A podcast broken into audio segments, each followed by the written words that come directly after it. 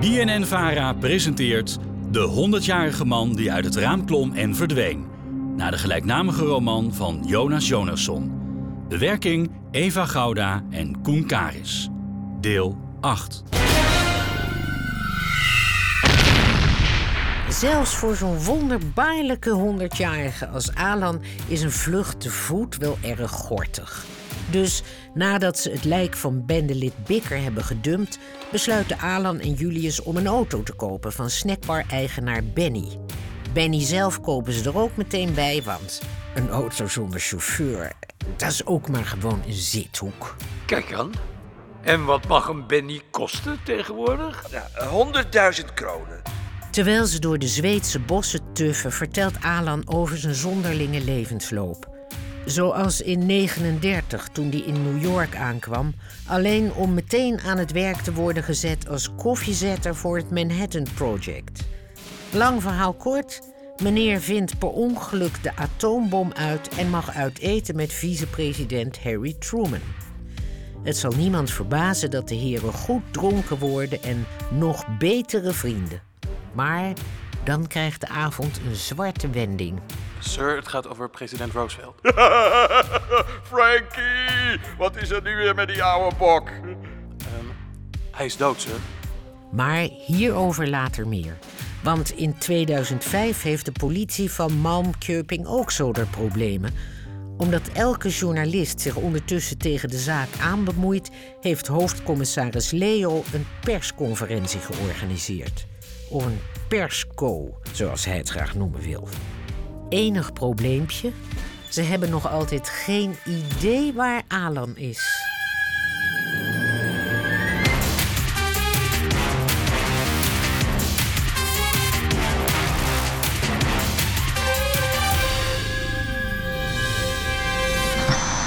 Malkjöping, Zweden, 2005.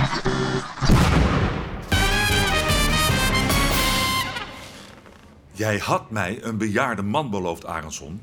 Met een strik erop. Leo, En nu? doe nou even kalm. Geen bejaarde man.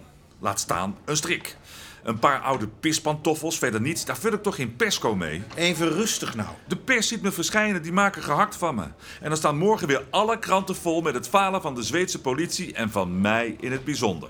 Wedden? Wil je anders even op de bal zitten? Ga maar even op de bal zitten. Ik wil niet op de bal zitten. Zal ik een lekker kopje lavendelthee voor je Ik maken? wil verdomme geen lavendelthee. Oh, dit wordt een regelrechte ramp. Ja, hallo? Oh, Waarom moest jij dan ook meteen een persconferentie opzetten? Een persco. Ja, gezondheid. Ik moet iets van me laten horen. En jij zei dat je Alan Carlson binnen een dag weer terug zou hebben. Ik had toch gezegd dat het anders liep? Vanochtend nog had ik jou aan de lijn en toen heb ik verteld wat er aan de hand was. Ja, maar toen had ik die persco al georganiseerd. Wat? En jij dacht niet dat je mij dat even moest melden? Nou, jij deed zo gestrest. Zeg alsjeblieft dat je nog iets van info voor me hebt. Oh, Leo, ik heb alles verteld wat ik weet. Ik heb een spoor dat midden in een bos ophoudt.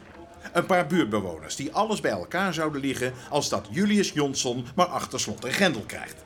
En een ooggetuige die beweert dat Bikker doodleuk met Alan Carlson mee is gaan reizen. Bikker? Wie is Bikker? De skinhead Skinhead? Eh, van Never Again. Kom op Leo, Never Again, die bende. hè? Die bende van de koffer. De hele reden dat Alan misschien wel een levensgevaar is. Nou, Ja, Alan. En wat dacht je van mij dan? Hou het gewoon kort, geef ze de feiten. Verder niets. Ja, ja, ja, ja. Misschien moet ik zeggen dat Alan Carlson dood is. Wat? oh. Of dat hij zelf bij Never Again zit. Leo. Oké, oké, oké. De feiten, verder niet. Verder niets. Verder niet. Verder niets. En daarom is er geen twijfel over mogelijk. Alan Carson is in de klauwen van de onderwereld gevallen. Vragen? Ja, mevrouw Englund. Ja, hi. Inger Engbloed, sterverslaggever en aanstomend zangeres. Meneer de hoofdcommissaris. Leo. Oh, oké. Eh, meneer de Leo, dit zijn wel grote dingen die u hier beweert. Ik bedoel, de onderwereld. Poeh.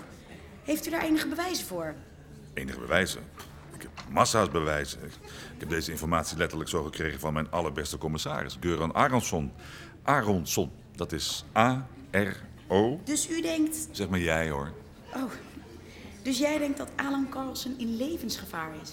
Ik denk het niet alleen. Ik weet het wel zeker. Wat zeg ik? Waarschijnlijk is hij al dood. Hartstikke moddertje mors dood.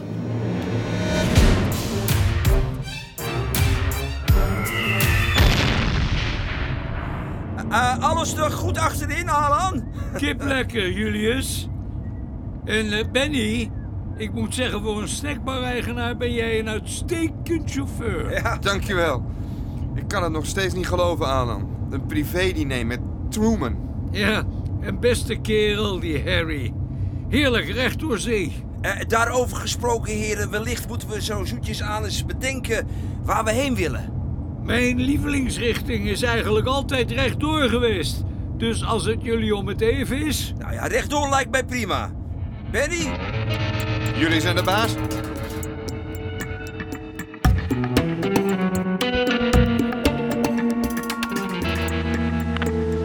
Neem op.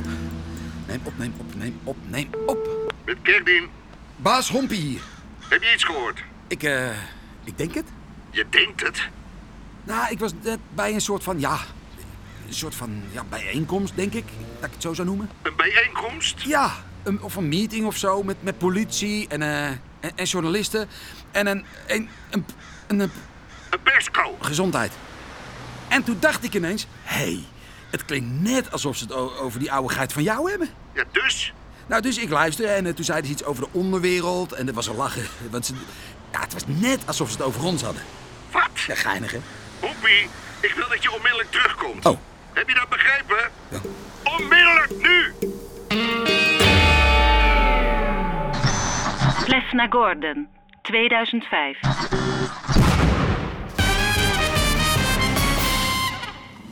Zo, nou dat was een prima persco. Vond je ook niet, Aronson? Dat worden vast prachtige artikeltjes van die journalistjes. Waar niks van waar is. Goed, wat ik daarnet allemaal gezegd heb, dat is nu de waarheid. Er moeten alleen nog even bewijzen bij gevonden worden. En dat ga jij doen, want dat vind jij leuk. Aronson. Hm. Milbu. Hm. Met een paardenstaart? Nee hoor, dat hoeft niet. De gouden tip? Een oude man is gezien op de passagiersstoel van een Mercedes... die bestuurd werd door een man met een paardenstaart ergens in Milbu. Terwijl ze luidkeels meezongen met Blue Suede Shoes van Elvis. Well, it's one for the money, two for the show, three to get ready, now go, cat, go. Nee? Ja, Eh, het schoolvoorbeeld van een totaal nutteloze tip. Niet even checken? Nee. Nee, ik ga een speurhond ophalen en dan terug naar eh, Buringen. Misschien dat hij iets kan vinden.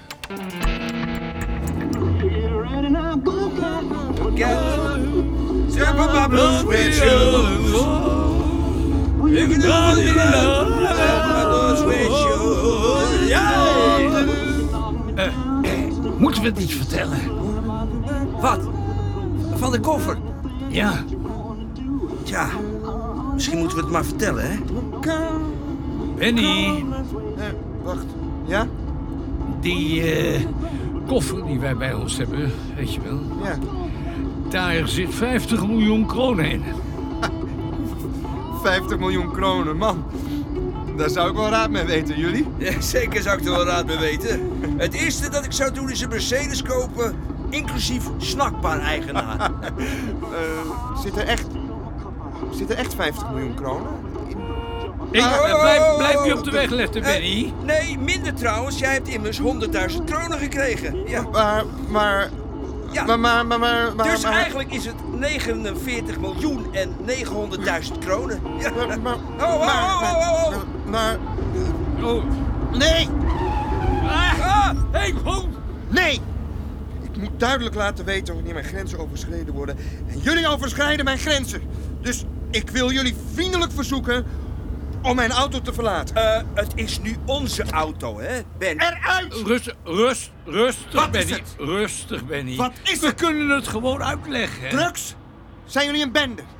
Ben ik, ge- ben ik gegijzeld? Oh god, ik ben gegijzeld. Benny, Benny, rustig. Oh, rustig nou. Deze koffer is een soort van per ongeluk in mijn bezit gekomen. Maar toen wist ik nog niet dat er 50 miljoen kronen in zat. 50 miljoen kronen. Eh, eh, moeten we ook vertellen van die doodgevroren skinhead? Do- doodgevroren wat? Nou, wel.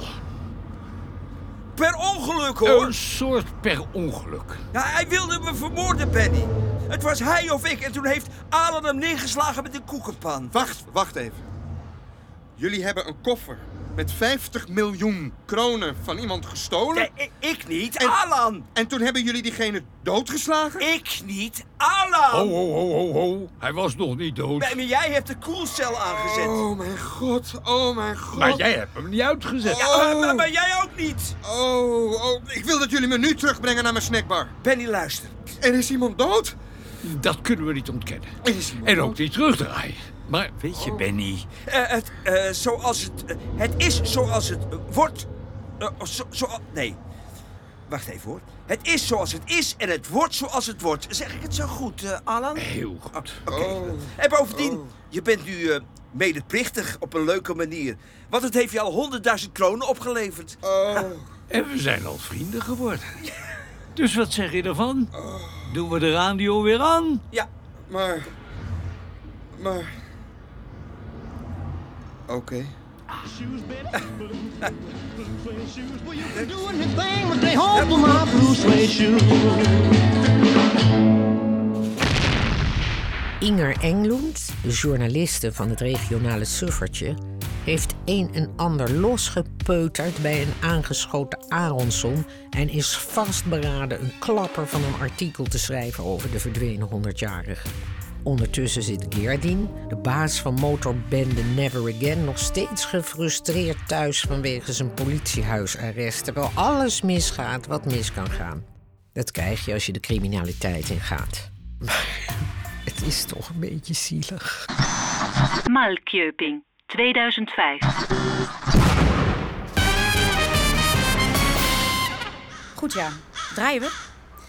Wij staan hier voor het huis van Ronnie Hult, de loketbediende van het Malm Kjöpingse busstation. Ronnie is een van de laatste mensen die Alan Carlsen heeft gezien. We gaan nu bij hem aanbellen. Hopelijk kan Ronnie ons meer vertellen over de inmiddels bij iedereen bekende 100-jarige Alan. Ga weg! Oh, de brievenbus is opengedaan. Juri, kun jij misschien even een beetje inzoomen met die camera? Geen camera's. Haal die camera weg. Oh, eh, ja. Juri, weg met de camera. Hier blijven met die camera. Hij is weg hoor. Blijven draaien. Meneer Hult, wij willen u... Geen Namen. Excuseert u mij, eh, meneer de eh, loketbediende. Wij willen u en meneer de eh, buschauffeur wat vragen stellen over Alan Carlsen. Gewoon een simpel interviewtje met de laatste weetjes, feitjes, roddels, modetips. Goed, goed, maar, maar geen namen. Nee, nee, geen namen. We doen dus wel die namen. Zeg, eh, wat is er precies volgens u gebeurd gisteren? Nou, ik zat gewoon rustig bij mijn loket. Kaartjes te verkopen? Kaartjes kopen moet bij de buschauffeur. Ik was eh, andere zeer belangrijke loketzaken aan het doen. Ik zou mezelf best onmisbaar willen noemen bij het busstation. Dus de dader had meteen de hoogste functie van het bedrijf te pakken. Alsof ze het wisten. Alsof ze het wisten. En die dader, beschrijft u die eens.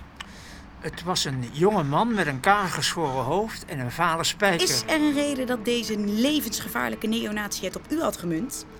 En hoeveel hakenkruis heeft hij precies op de muur gespoten? Eh, geen. Acht hakenkruisen. Gaat u verder. De man had een koffer bij zich. En hij vroeg Alan Carlson om op die koffer te passen. Hoe zeker bent u ervan dat Alan Carlsen onderdeel is van een neonationalistische groepering? Niet zo zeker, ik denk dat... dat... Hij is 100% zeker. Alan is zeker weten het slachtoffer. Ik heb hem in de bus gehad en... Met wie praat ik nu? Len, eh, de buschauffeur. Aha. En hoe lang zijn u en Ronnie Hult al homoseksueel met elkaar verbonden? Nee, nee, nee, nee, nee, u begrijpt het verkeerd.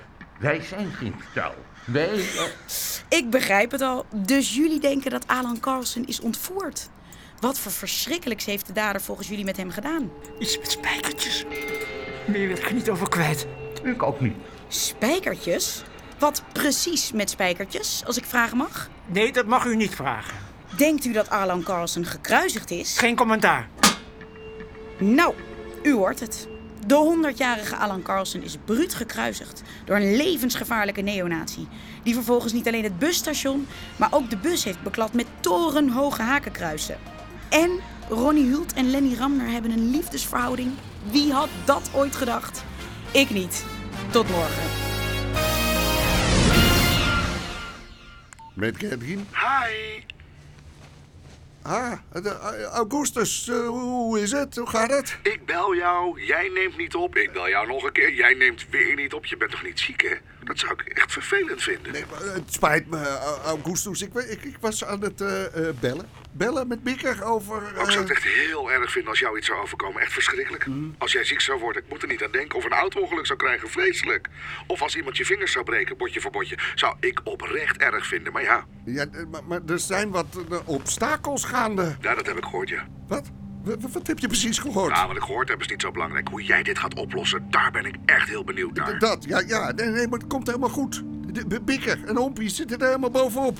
Heerlijk om te horen. Ik hoop echt dat je gelijk hebt, want ik zou het vreselijk vinden. Echt vreselijk als ze jouw lichaam langs een modderig weggetje zouden vinden met... Hoeveel botten heeft een menselijk lichaam? Nou, eh, 200? Met 200 gebroken botten, dat meen ik echt vreselijk. Vind die koffer. Met mijn geld, or I'm gonna eat you. Doei. Kut!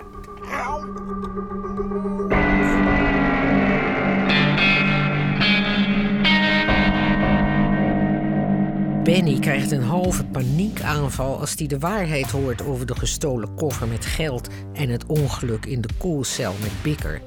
Julius en Alan overtuigen hem ervan dat het allemaal minder erg is dan het lijkt.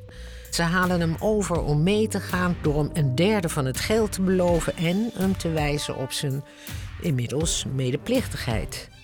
Benny wist niet dat hij zijn slecht lopende snackbar zo kon missen. Maar het was allemaal niet zo bedoeld. Small Land, 2005.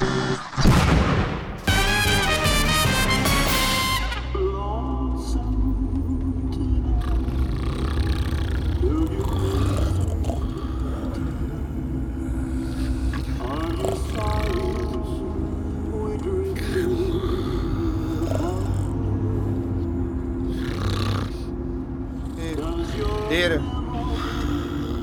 Heren, jullie moeten even wakker worden. Alan. Julius. Even wakker worden. Hallo. Ongelooflijk. Alan? Alan? Al. God, zo die kleren heeft, zet die herrie uit! Is hij dood? Oh, helemaal, hij is dood. Wat moeten we doen? Wat gaan we doen? Wat moeten we doen? Alan, wil je een glaasje brandewijn? Graag. hij leeft. Dan moet je wel wakker worden! Ik ben toch wakker? Waar zijn we? Ja, ja, waar zijn we? We zijn in Småland. Ik wilde dus even vragen. Ja, Ik dacht dat we richting Göteborg reden. Eh, ja, dat klopt. Alleen eh, het leek me veiliger om van de snelweg af te gaan. Qua achtervolgingsgevaar en zo. Dus eh, ik heb nu vijf keer een totaal onlogische afslag genomen. En eh, nou ja, het is al bijna donker. Dus eh, ik wilde even vragen wat het plan was qua overnachting. Ik dacht aan een hotel misschien. Eh, of, eh, geen hotel. Geen hotel. In Rotterdam heeft iemand eh, in het beste geval een kleine versleten bed and breakfast. En als daar opeens drie mannen aankloppen zonder reservering, dan eh, is meteen het hele dorp van slag. Die criminal mind aan het woord. Nou, criminal. Criminal. Maar ik denk, hè, moet ik maar zeggen hoor, dat we qua overnachten het beste bij een boerderij met flink wat geld moeten wapperen. In ruil voor een slaapplek en, eh, en een maaltijd. En brandewijn. Brandewijn, ja. Daar brandt licht. Daar vragen? Nou ja.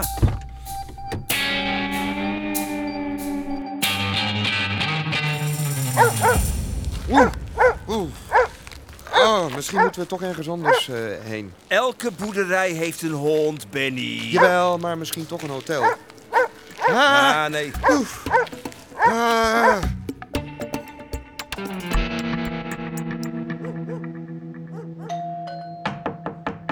Ah, God voor de god, voor welke imbeciel haalt het in zijn imbeciele harsers? Ja, wat moet dat? Eh, goedenavond, mevrouw.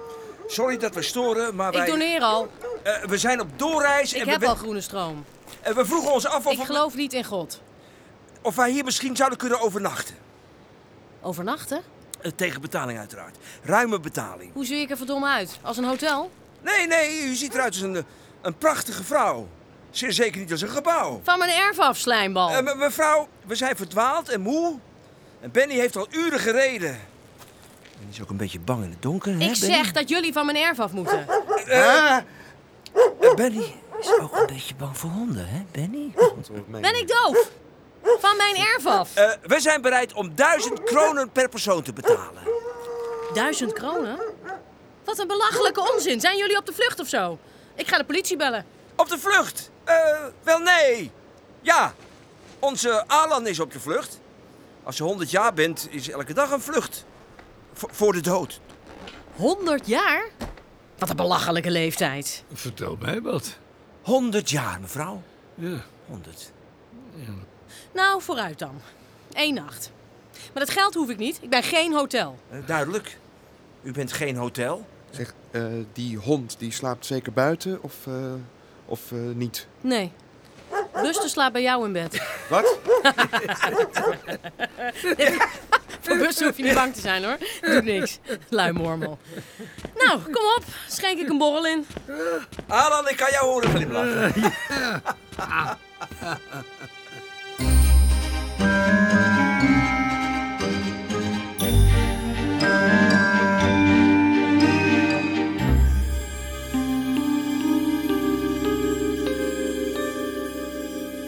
We moeten toch weer een duik in de historie nemen.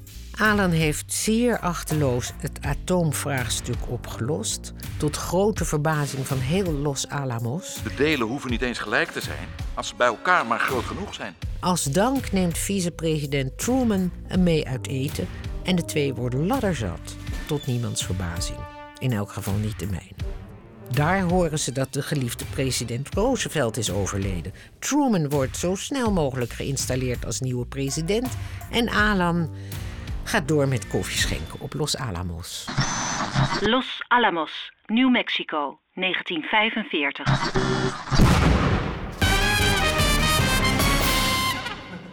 Alan, er is telefoon voor je. Voor mij? Het is de president. Die was toch dood? De nieuwe president, meneer Truman. Harry? Alan! Eh, eh, Alan! Je bent president, Harry. Ach ja, zo gaan die dingen.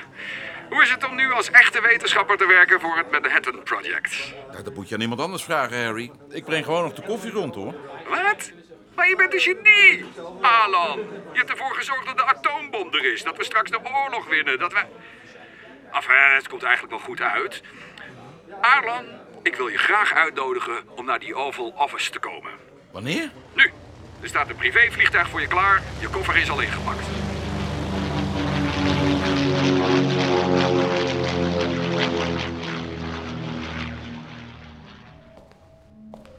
Derde deur links, u wordt verwacht. Dank u wel.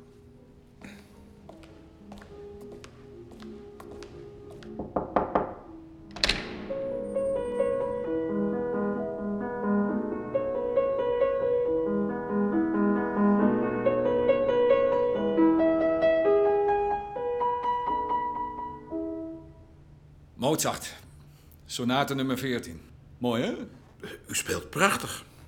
Welkom in het Witte Huis, Alan. Het hart van Amerika. Ga zitten. Dank u wel. Ik heb je hierheen laten komen omdat ik je hulp nodig heb. Het nadeel van plots president van Amerika worden is dat je ook plots heel veel problemen hebt. Een van die problemen is Song Mei-ling. Van gehoord? Ze wordt ook wel de adder genoemd. Nog nooit. De vrouw van Chiang Kai-shek? Geen idee. De leider van de Kuomintang? Sorry? De Chinese Nationalistische Partij? China, China, dat, dat weet ik. Ah, nou. Enfin, Song Mei-ling dus. Dat is nogal een type. Roosevelt en zij waren dikke vrienden. En volgens haar hebben ze een aantal mondelinge afspraken gemaakt... wat betreft de strijd tegen het communisme. En nu wil ze dat ik die belofte nakom. Ik kan haar om politieke redenen helaas niet negeren. En ook niet omdat ze me niet met rust laat. Ik was al bang dat het met politiek te maken zou hebben. Ja, ik zal het kort proberen uit te leggen. Je hebt de communisten en de Kuomintang. Hun strijd is nu even rustig vanwege Mansoerije, maar als de Japanners straks verslagen zijn, dan begint het hele binnenlandse gedonder geheid opnieuw. En als de Japanners winnen? Dat lijkt me onwaarschijnlijk, Alan. Dat zou jij toch moeten weten. Enfin, de verslagen van de inlichtingendienst melden dat de communisten aan de winnende hand zijn in de Chinese burgeroorlog. Is dat, eh, is dat echt glas in lood, die die raam? Eh, ja? Hoezo? Nee, Nou zomaar. Ja. The Office of Strategic Services trekt de militaire strategie van Chiang Kai-shek in twijfel. En die richt zich vooral op de steden en laat de communisten hun gang gaan in de dorpen. Het is een flink tapijt dat daar ligt. Het zal wel een klus zijn om die naar de stomerij te brengen. Eh, ja, ik denk het. Eh, De kans dat Mao Zedong steeds meer steun krijgt onder de bevolking is groot. En dat ziet Song Mei-ling ook. Wat is dit? een prespapier, zodat er niks wegwaait. Oh. Ja, eh, Song Mei-ling heeft een alternatief plan waar Chiang Kai-shek niets van weet. En nu wil ze per se dat Amerika daarbij helpt. Dat snap ik wel, want zonder Amerika blijft alles een puinhoop. Wat wil je dat ik ga doen? Ik wil dat je naar China gaat om bruggen op te blazen. Oké. Zoveel mogelijk bruggen. Zodat de communisten de pas afgesneden wordt met als gevolg... Dat... oh, Oké. Het is ook belangrijk dat Song Mei-lings troepen opgeleid worden in de kunst van het... eh, Wanneer vertrek ik? Song Mei-ling wil je eerst ontmoeten. Oké. Maar eerst moet er een andere oorlog gewonnen worden.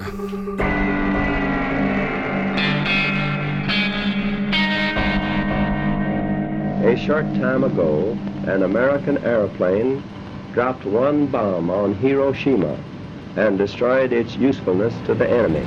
Crowds gather in front of the White House, awaiting the announcement of Japan's surrender from President Harry S. Truman. It took two atomic bombs to bring Japan to her knees. But now Pearl Harbor was avenged, and the news triggered the greatest celebration the nation has ever known. Je hebt geluisterd naar De 100-jarige man die uit het raam klom en verdween van Jonas Jonasson. De werking Eva Gouda en Koen Karis. Je hoorde onder meer Erik van Muiswinkel, Joop Keesmaat, Harry Piekema, Peter Drost, Peter van de Witte, Lies Visserdijk, Maarten Wansink, Martijn Fischer, Bob Fosco, René van het Hof, Charlotte Nijs, Loek Peters, Mike Reus en Raymonde de Kuiper. Techniek Frans de Rond. Regieassistentie Hanneke Hendricks en Lonneke Dort. Sounddesign Jeroen Kuitenbrouwer en Wart Henselmans. Productie Karin van Dis. Regie Wiebeke von Saher, Anne Lichthart en Marlies Cordia, de Hoorspelfabriek. Deze BNN-VARA-productie kwam tot stand dankzij de NPO. Volgende week deel 9. Of luister dagelijks om 5 voor 1 naar de Nieuwsbv.